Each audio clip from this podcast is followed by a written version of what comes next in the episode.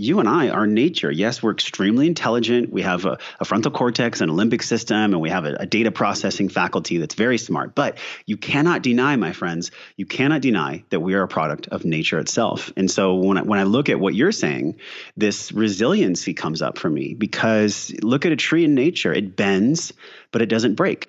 Your mind can be your most valuable asset or your biggest liability, and you get to choose. This is the Building Psychological Strength podcast, where we explore ways to build resilience, build confidence, and make our minds work in our favor. We draw from the fields of psychology and life design to help us intentionally create a rock solid mindset upon which a vibrant life experience can be built. My name is April Seifert. I'm a psychologist, a life design strategist, and co founder of Peak Mind, the Center for Psychological Strength. Each week, I'll introduce you to an expert, a concept, a technique, or a hands on practice that will help you build psychological strength in your own life. These are the tools to help you thrive.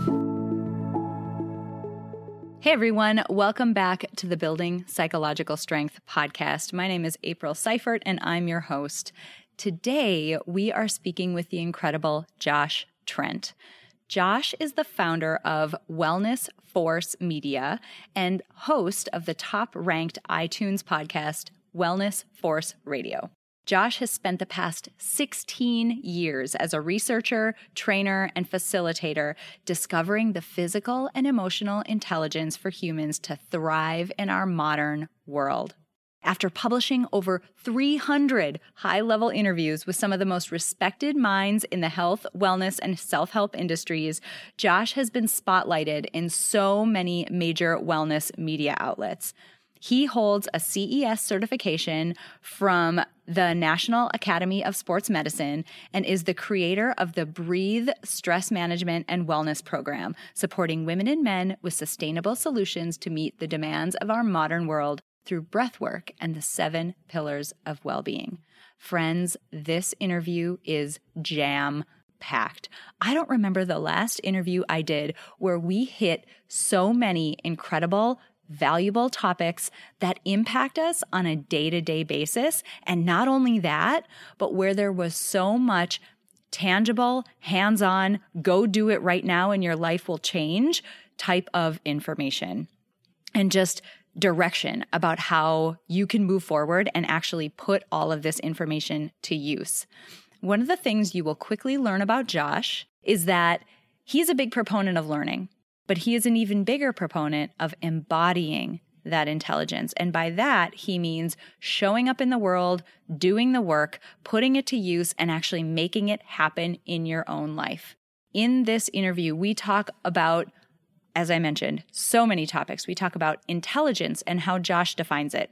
We talk about the spotlight effect and imposter syndrome. We hit on emotional resilience, on gratitude, on the negativity bias, on decision fatigue, and an amazing exercise that Josh shared with us called an emotional inventory that we suggest you do once a month in a process of life design to iterate toward a better feeling, more aligned life day to day. This interview is absolutely incredible. We are so thrilled to be partnering with Josh for this week's podcast episode, and I can't wait for you all to meet him. But before we dive into that interview, I have to let you know about one thing. Right now, as in today, for just a few more days, Peak Mind has opened up the Peak Mind membership. We don't do this very often, but we did it because we are accepting new members. And not only that, but we've released our first full length online course focused on finding and eliminating your own self limiting beliefs. Here's the even sweeter part of the deal. If you're interested in working on your self limiting beliefs, you absolutely could purchase this course. We have it for sale on our website. However, for a limited time, while the membership is open, you can actually get this course for free. It's actually included in the Peak Mind membership. So, if you are on the fence about becoming a Peak Mind member, friends, this is the time to take the plunge and to do it because we're offering this course absolutely free, included in your membership. It's an incredible value. We're so excited about this course. I went back through the content and I was like shocked and so excited because you know how you put something out there and you start to doubt whether it's good and you start to doubt whether you're actually good enough. I'm not immune to those thoughts. I went back through it and I'm like, this is life changing. I can't wait for people to see it. So I had to tell you about it before we dive into this week's interview. All right, let's go meet Josh Trent and hear about his incredible background and the amazing value he has to share with us this week.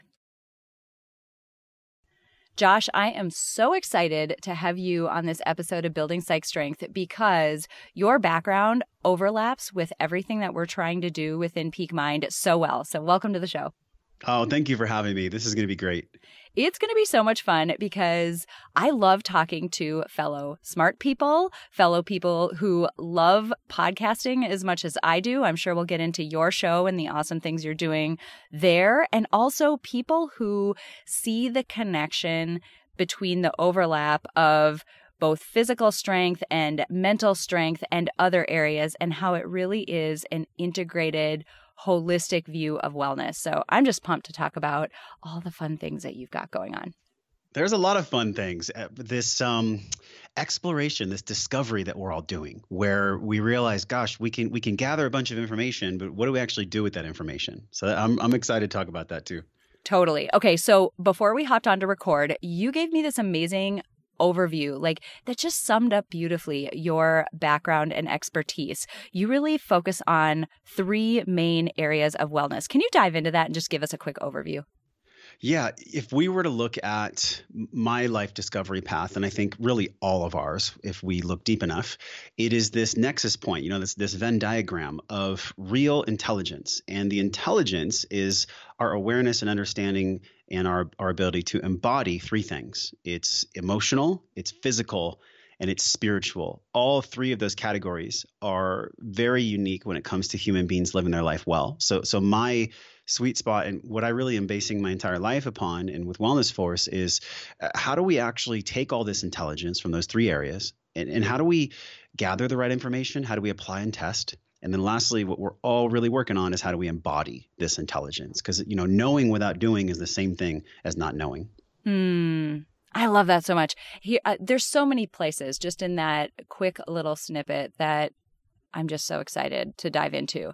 Um, a lot of people think about those three areas that you mentioned as very separate. And we encounter this too in Peak Mind. We don't dive as much into the spirituality side of things, but minimally within physical and mental health, people don't realize the overlap between those areas and how truly integrated they are. Do you find that within your work as well?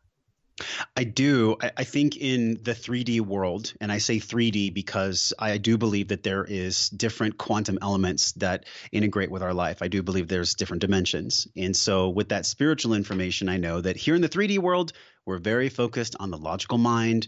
Science like to have a linear approach to research, and we like to bucket and silo things as if nothing's connected. But if you look at the laws of nature and how we integrate in nature, everything's connected and it always has been. Absolutely.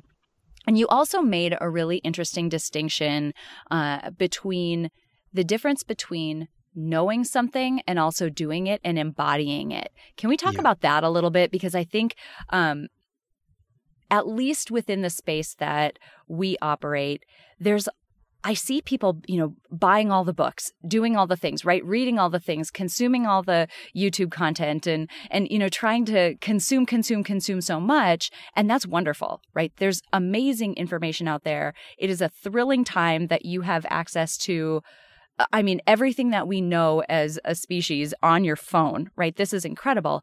But you made the point that that doesn't do you any good unless you actually show up and do something with it and embody that. Yeah. Can you just dive in there a little bit?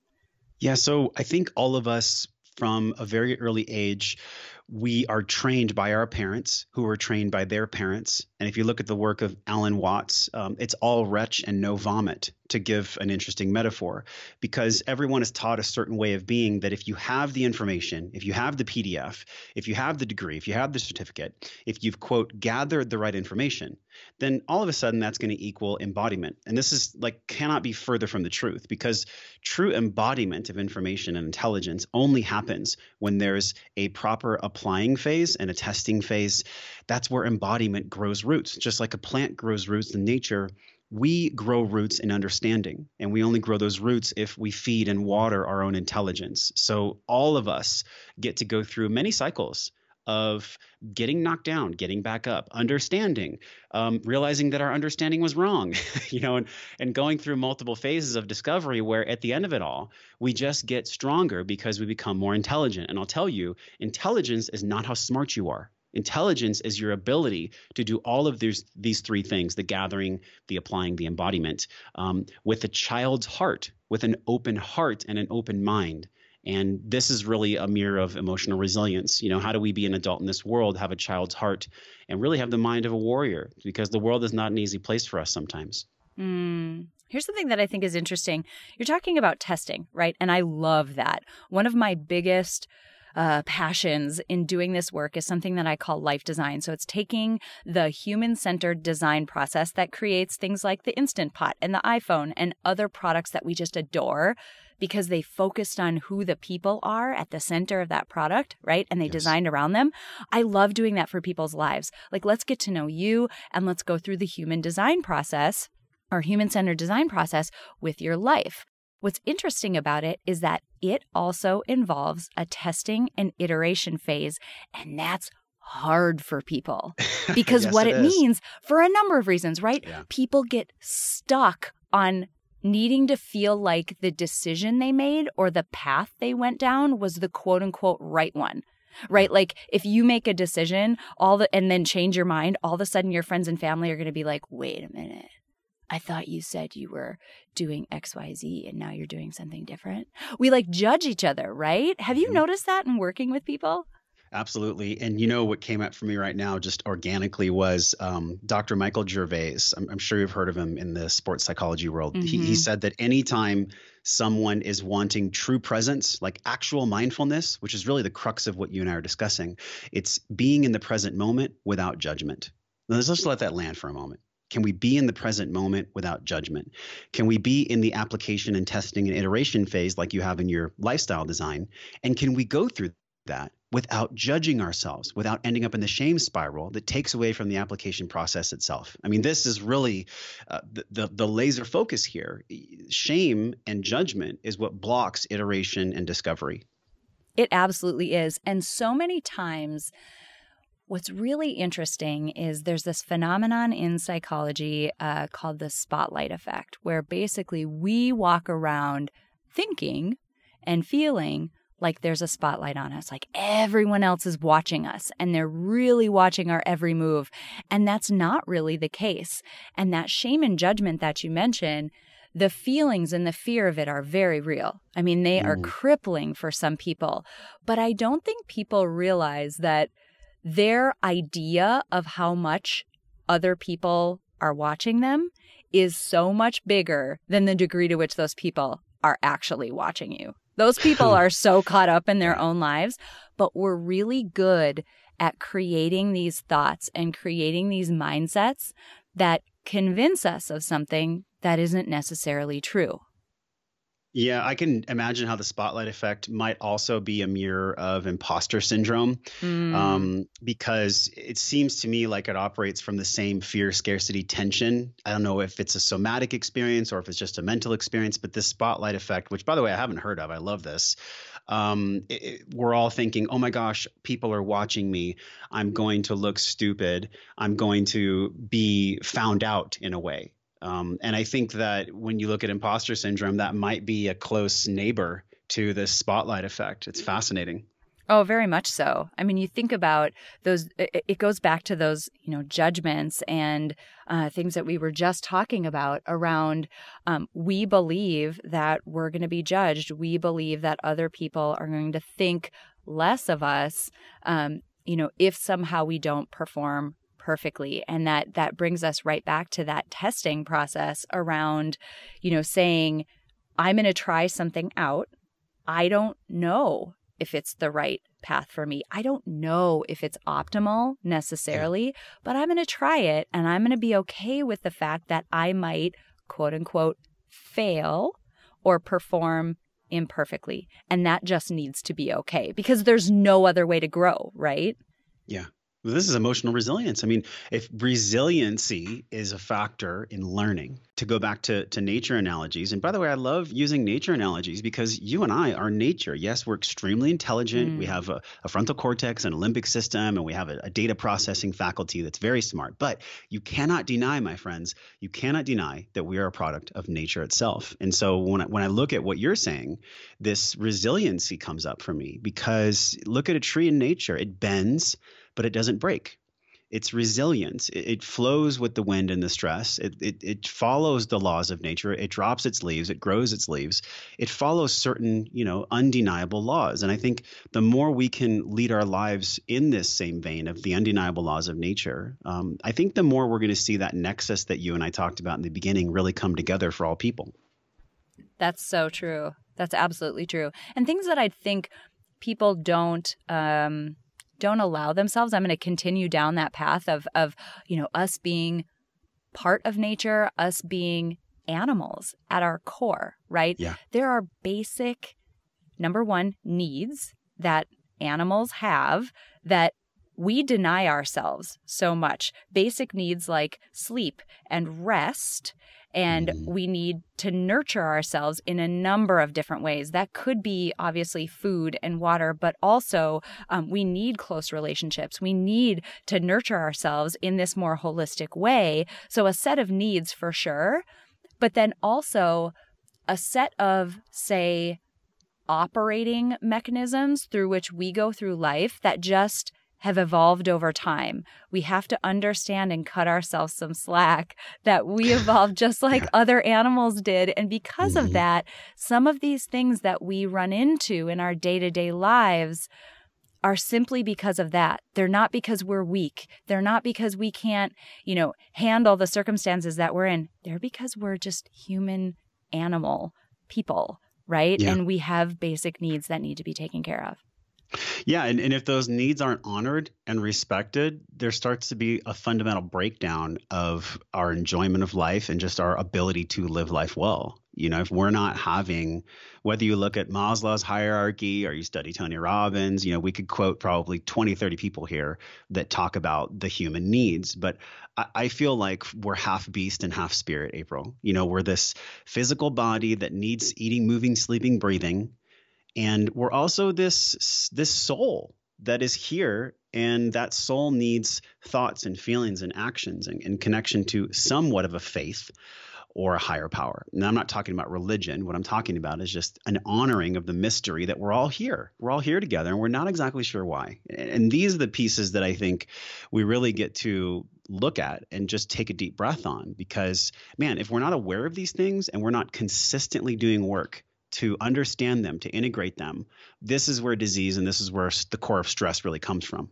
Mm, that's huge. And I'll throw one more piece onto that list, and that is uh, something that I talk about a lot. So my regular listeners might be, um, oh, is she going to say it? And like rolling their eyes right now. But also an intense gratitude for the fact that we are here. You know, so much yeah. of what I talk about when I jump into the life life design um, work that I do, and we've talked about it a bit so far, but is the fact that you can use your gratitude for the fact that you're here to help fuel you to make the next right move, right? Mm. If you have an intense gratitude for the fact that you have this life, right, with all of the opportunity that's in it, you have this life you almost start to feel a sense of responsibility to live it well because we can all point at family members, friends, other people who aren't here anymore yeah. and don't have this opportunity in front of us. And yeah. that gratitude, man, that's motivating for me. Mm. you just made me take a pause there because I, I remember when I was interviewing Dave Asprey on the Wellness Force podcast, he was talking about the actual physiology, the biology, the neurokinetics of, of gratitude. And there's been multiple studies. Here we go, you know, in the in the siloed scientific world. You and I both know that gratitude feels good. We don't need a study for that. But we do have studies to back it up. And what science is showing is that when we instill, when we embody the most important thing when we embody this gratitude april that's when the changes really start to happen. And you know it's challenging for us and the real work is to be grateful when we're in a moment of trigger when we're in a moment of discomfort when life is presenting us with this dark deep contrast of lesson where we're like, holy F, I don't want to deal with this right now. Let me take a deep breath. Let me reset my physiology. Let me touch the vagal nerve. Let me get into my body and out of my head and let me go find the gratitude that's in my body right now. Mm, it's huge. It's something that you can cultivate too. Have you noticed that? Like one of the one of the challenges that we uh, like to do within Peak Mind with our members is to have them do a daily gratitude. And I know, like, man, roll your eyes, right? That's all over Instagram. Everybody sure. talks about it. But what's beautiful about the way that our minds work, and I'm going to go there, but there's so much more to it, as you just mm-hmm. mentioned. The beautiful thing about the way that our minds work is our minds are powerful they are not that sophisticated in this way, though. Your mind wants to do, like, wants to follow the pattern that you're giving it, right? And that pattern could be not focusing on gratitude. If that's the pattern you're in, that's yeah. what it's going to do most naturally. However, mm-hmm.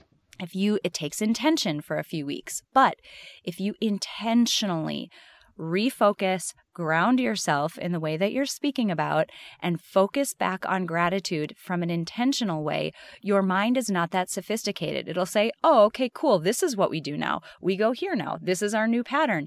And it'll start searching for it. Like you'll notice it. The domino will, domino will flip. And one day you had to work to look for gratitude. And the next day you just notice it because your brain mm. is saying, ugh, she's going to make me do this anyway. I might as well just be looking for it because I'm going to have to find it anyway. I might as yeah. well just like, let's just cut to the chase. Let me find it. And the world is a more beautiful place when your mind is constantly searching for gratitude rather than you, I mean, not looking for it or worse, focusing on things that are the opposite, are so negative and dark.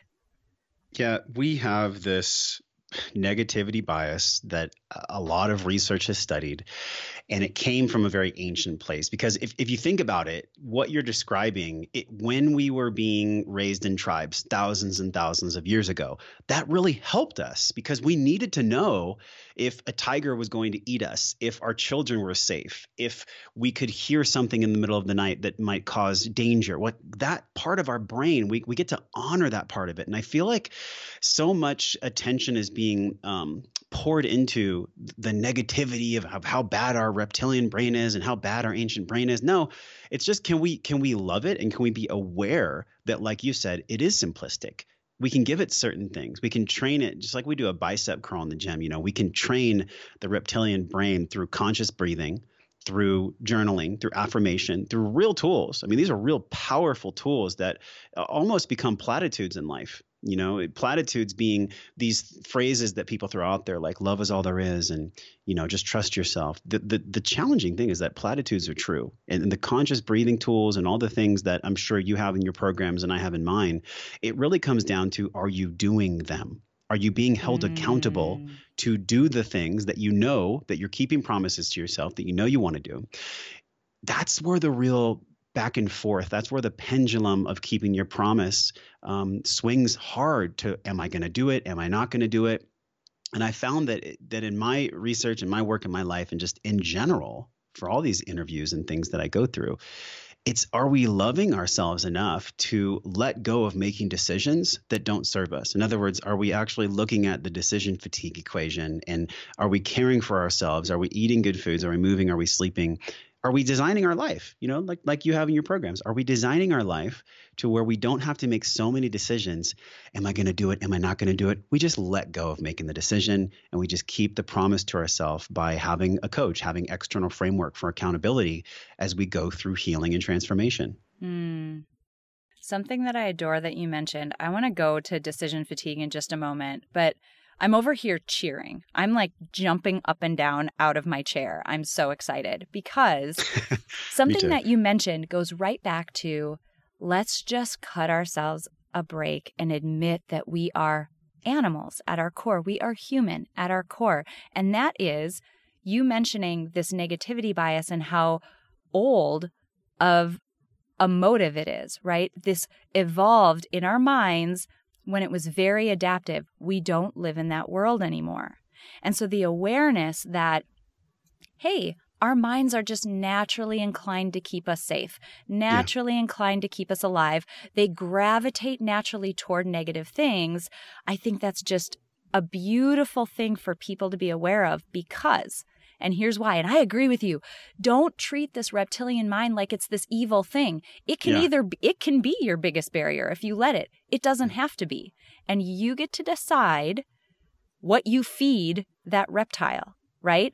Are yeah. you and one of the biggest things like if you want to watch your mind change in a matter of weeks, if you are a person who watches a 24 hour news cycle. I'm not saying read the newspaper. I'm not saying maybe watch the evening news, whatever that happens to be. Reading, especially, is less valenced for people. But if you watch a 24 hour news cycle, it doesn't matter what channel, they're all the same in this regard.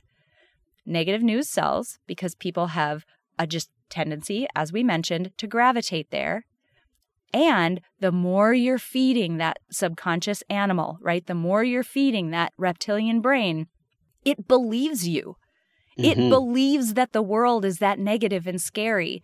If you want your mind to change within a matter of weeks, shut the 24 hour news cycle off and just watch right. it. Like your brain yeah. will open up. It'll like take a big exhale one of those days and you'll see the world as a different place. It's incredible well, we'll see the world how it actually is. Right. And that is that it's this mystery where look even look at the term mystery. Mystery does not mean it's always going to suck. Mystery does not mean it's always going to be bad.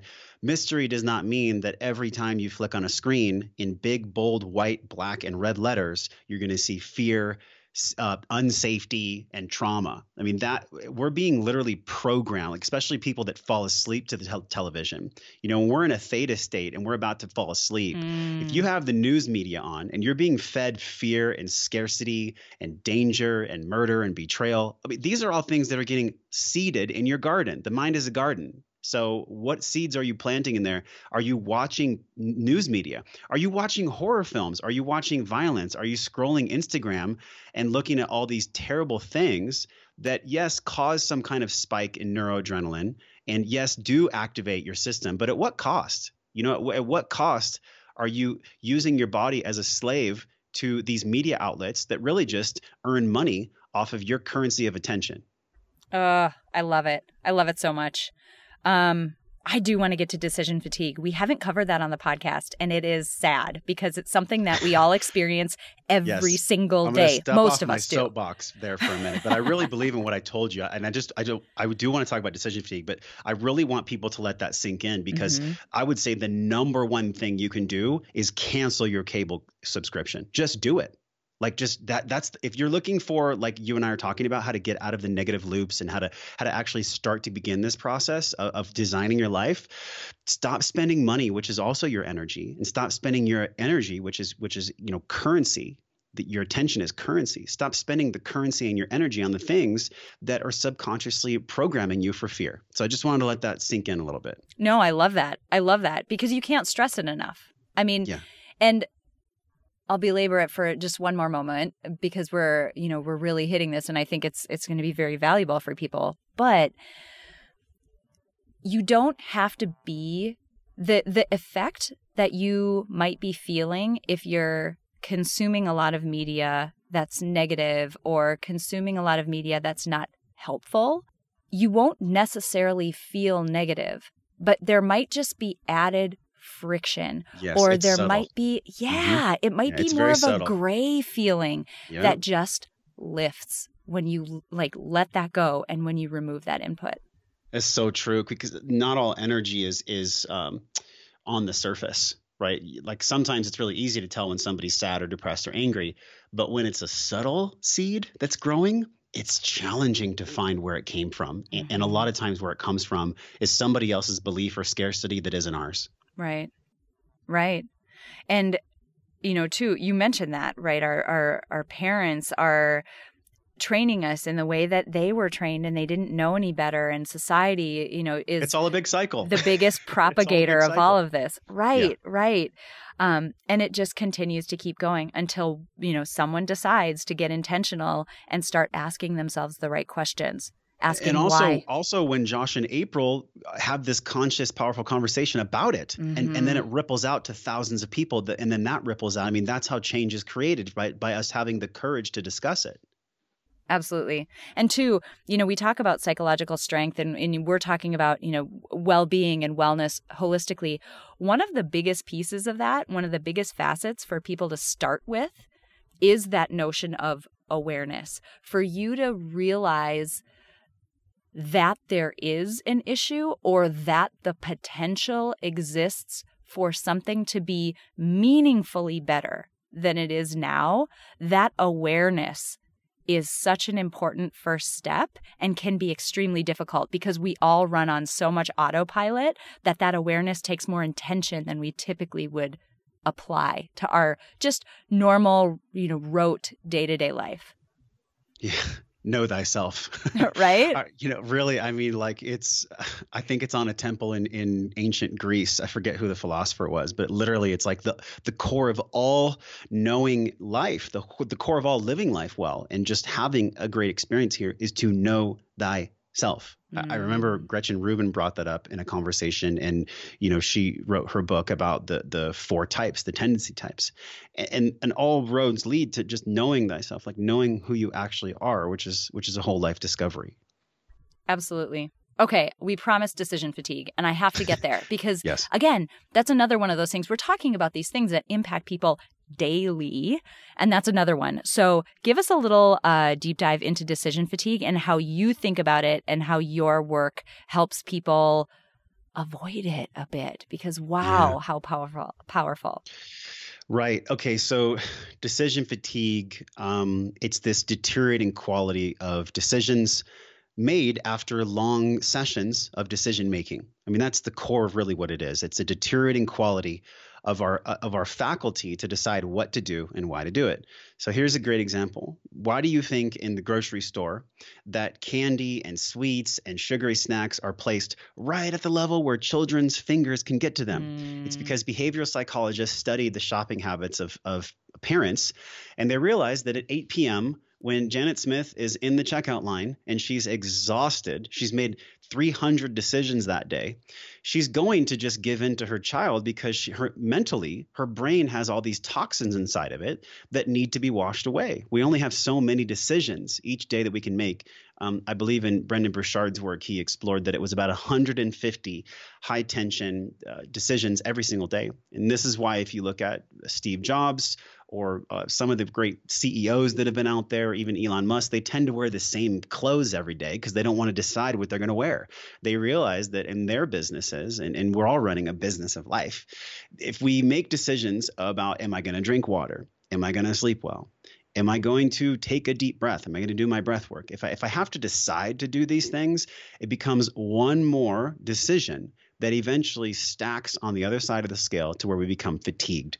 And what happens when we're in decision fatigue is we get stressed out. We become a slave to the physiology that we're not honoring, you know, and, and this goes to a bigger uh, lens as well, April. It's like really understanding that we live in a society that is built upon making people fatigued decisionally uh, most media mm. and most mm. consumerism habits, we live in a world of, of weapons of mass distraction and um, consumerism that is based on scarcity and fear. You should buy this because you'll be sexy. You should own this because you'll be worthy. You should make this much money because then you'll be enough. It's all BS, but it's all based on the ivory towers that are now showing cracks that you and I are actually speaking against because we care about human beings. We care about how we treat each other, starting with ourselves.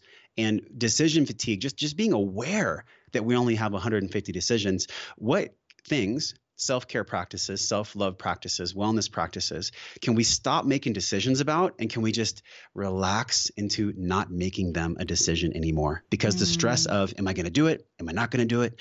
Am I going to go to the thing? Am I going to wear this? Am I going to do that? Am I going to work out? The am I going to blank is really what makes us taxed physically, emotionally, and also we lose our connection to spirit when we're taxed physically and emotionally as well. So decision fatigue is huge, and I think just even knowing the concept uh, is a great start for awareness. I love that. That was such a great overview. And the am I going to, right? The, the way that another way that people frame that question is should I? And the word should then becomes so valenced and so loaded like, well, who's deciding what you should and shouldn't do? And whose judgment gets put on that should? And that becomes very loaded as well, adding to just the fatigue that you're experiencing on a daily basis. Yeah. Um, I love that you brought up marketing in this. I love it. One of the examples I love giving when I tell people, so many of the symptoms that we all experience as a result of not building psychological strength, not focusing on our holistic well being, one of the symptoms is that we believe that the level of stress and anxiety that we feel on a near constant basis is normal. We think that it's normal because it's happening to everyone. It happens all the time. It's a daily thing. And we believe that it's normal. And it is so normal that, think about, again, going back to cable TV, television shows and networks, HGTV on Sunday evenings. How do people feel on Sunday evenings, right? They're looking at yeah. their week ahead. There's that sense of dread. Imposter syndrome sets in. Mm-hmm. All of that gross, right? Everyone thinks that's normal. It doesn't have to be that way. But HGTV also knows that you're feeling that way. So what do they show? Island hunters and island time and all of these vacation escapism shows, which are nice, right? They're beautiful and they're fun to watch and whatever. But what they're doing is marketing to the fact that you feel like garbage on Sunday night. So I would argue that people should take this seriously and be aware of it. Watch the island show if you want to, but not because you feel like garbage and you need an escape, but because you just like nature and sometimes it's fun to look at it. But take care of that core root problem first, right? So that you're making the decision to watch that show intentionally, making the decision to eat that meal intentionally, or setting up a rubric so you don't have to make the decision at all. Oh, but so you're good. doing it from a place of intention, not just autopilot because you feel like garbage. Oh, this is like the universal human experience right here. Mm. And what what I'm feeling is that if the you mentioned intention intention a couple times. Intentionality is like this powerful sword that cuts through all the bs of can i allow myself to indulge and enjoy something or am i indulging and enjoying because i'm escaping? Like that's really what we're talking about here. Am i doing the thing the tv the food the sex the whatever because i actually love it and i'm going to allow myself to enjoy it and be present to it uh, in all of its richness?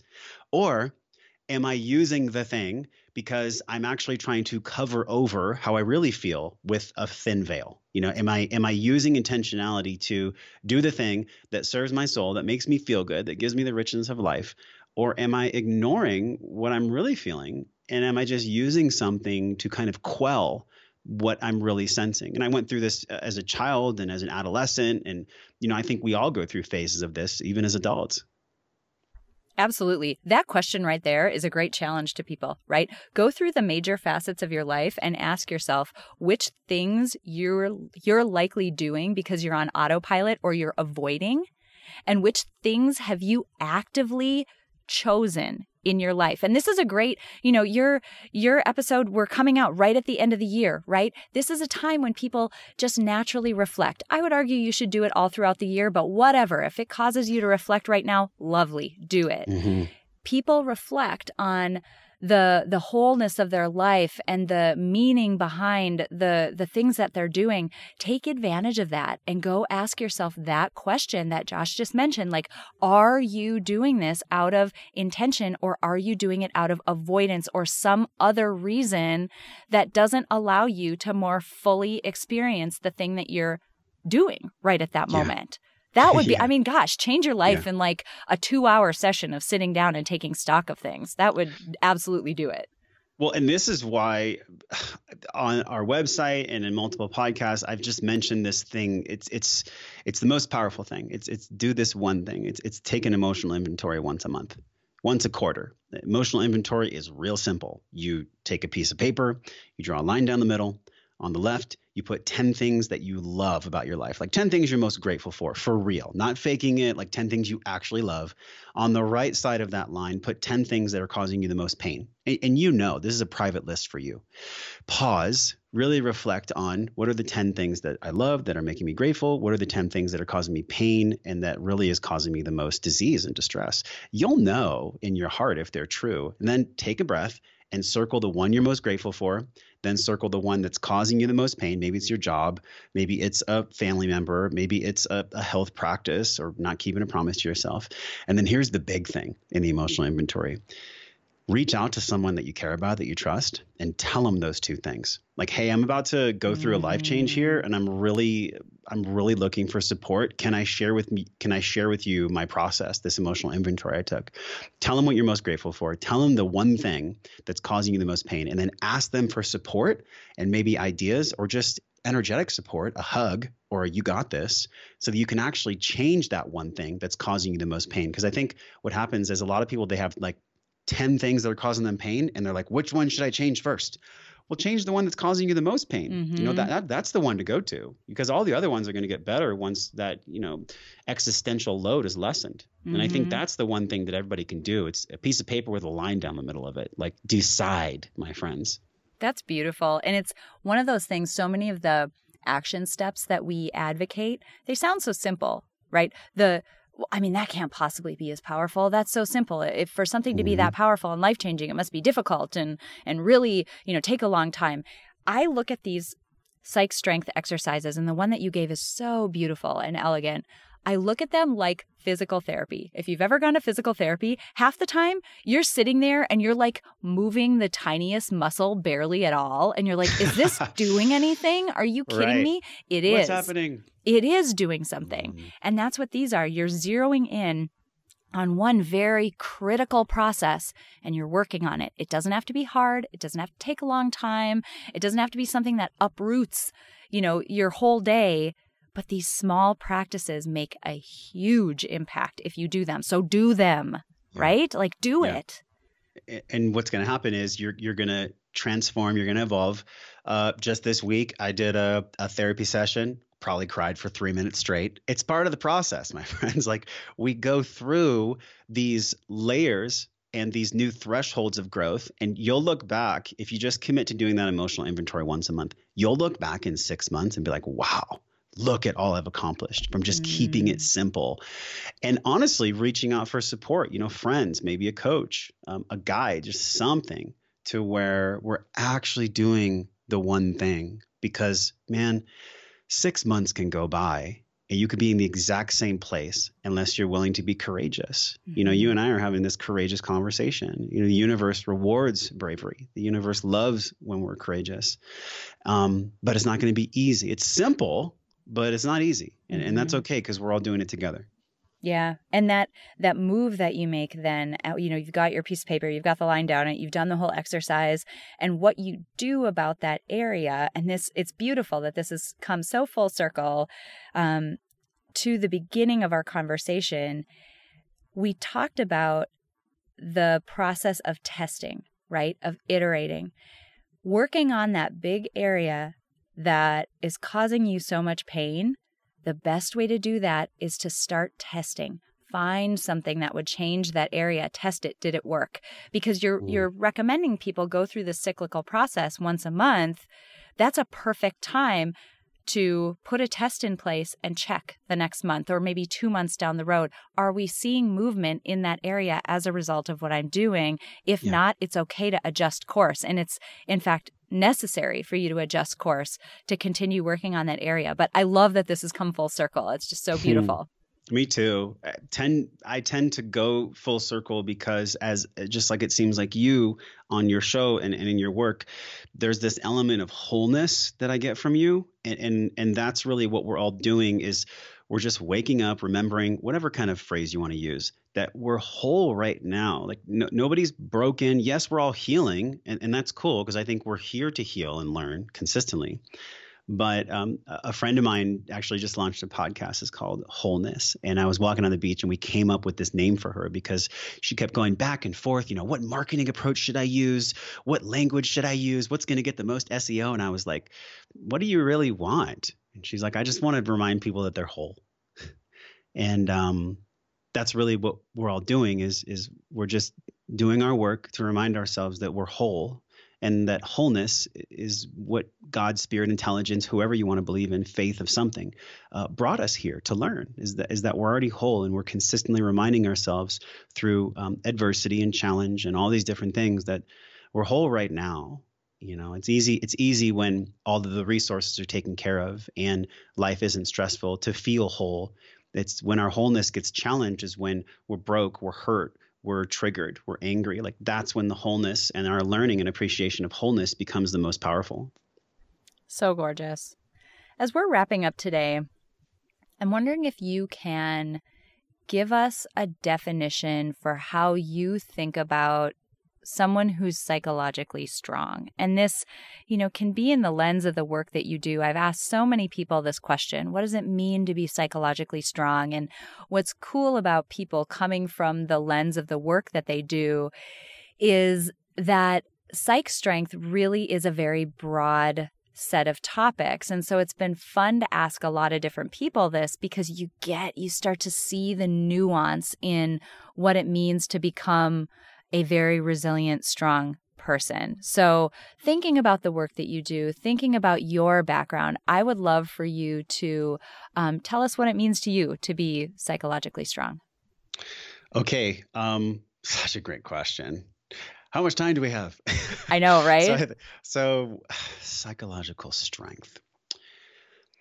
Honoring the fact that we're half beast and half spirit, and to be psychologically strong means really that we are resilient because strength is great, but if we're strong and we don't have a base, we don't have roots, then we don't have resilience. Going back to that analogy of the tree, if we have emotional resilience, it means we have the strength to bend to life stressors, to bend to adversity without snapping, without breaking. And and how we have this this resilience and, and our ability to not break is to do our work to grow the roots the roots of emotional intelligence, the roots of, of physical intelligence and spiritual intelligence. And of course, way down in there, in the humus, in the bedrock, deep in the soil, is our connection to this commitment to to gather, to to apply and test, and then to embody. You know, those roots run deep for all of us. And the more that we're feeding those roots the right types of fuel and water and sun and and gratitude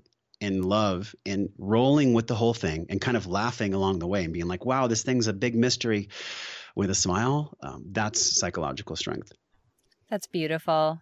This has just been a phenomenal conversation. I, we have covered more of the really hard hitting, um, impacts people on a daily basis, valuable, changeable topics that uh, than almost any other interview that I've ever had. So I appreciate you bringing this background of yours that is um, so robust. I keep using that word, but this robust background of yours um, to this audience to help us think about how we can live better in our daily lives through some of these practices that you've talked about and shared in this episode. So, thank you so much for being here. This has just been wonderful.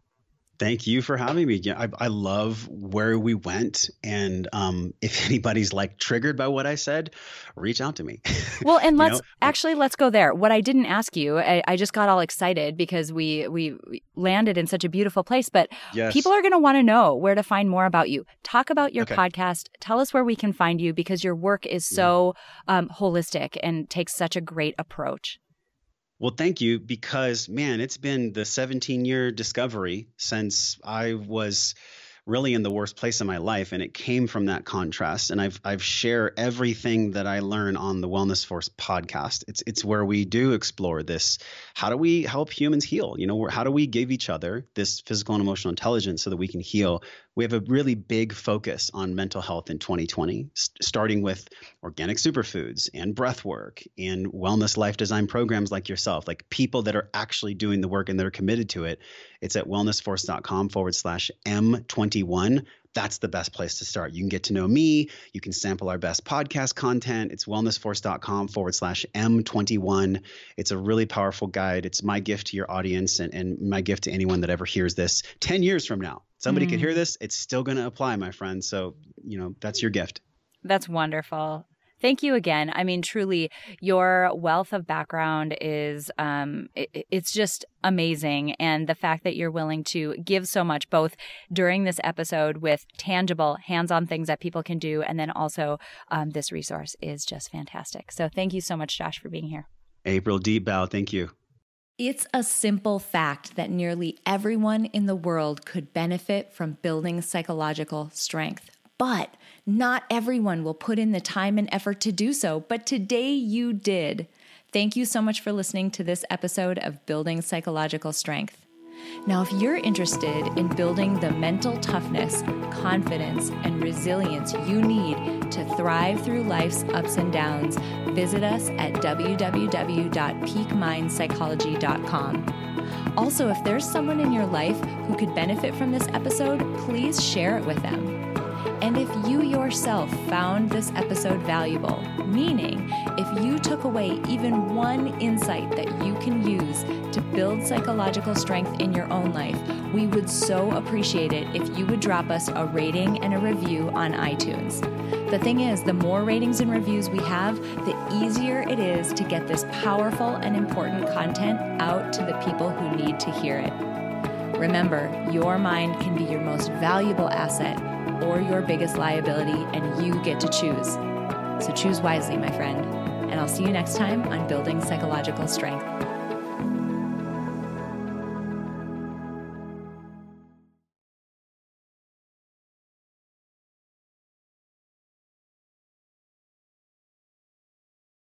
At Parker, our purpose is simple. We want to make the world a better place by working more efficiently by using more sustainable practices, by developing better technologies, we keep moving forward. With each new idea, innovation, and partnership, we're one step closer to fulfilling our purpose every single day. To find out more, visit parker.com/purpose. Parker, engineering your success.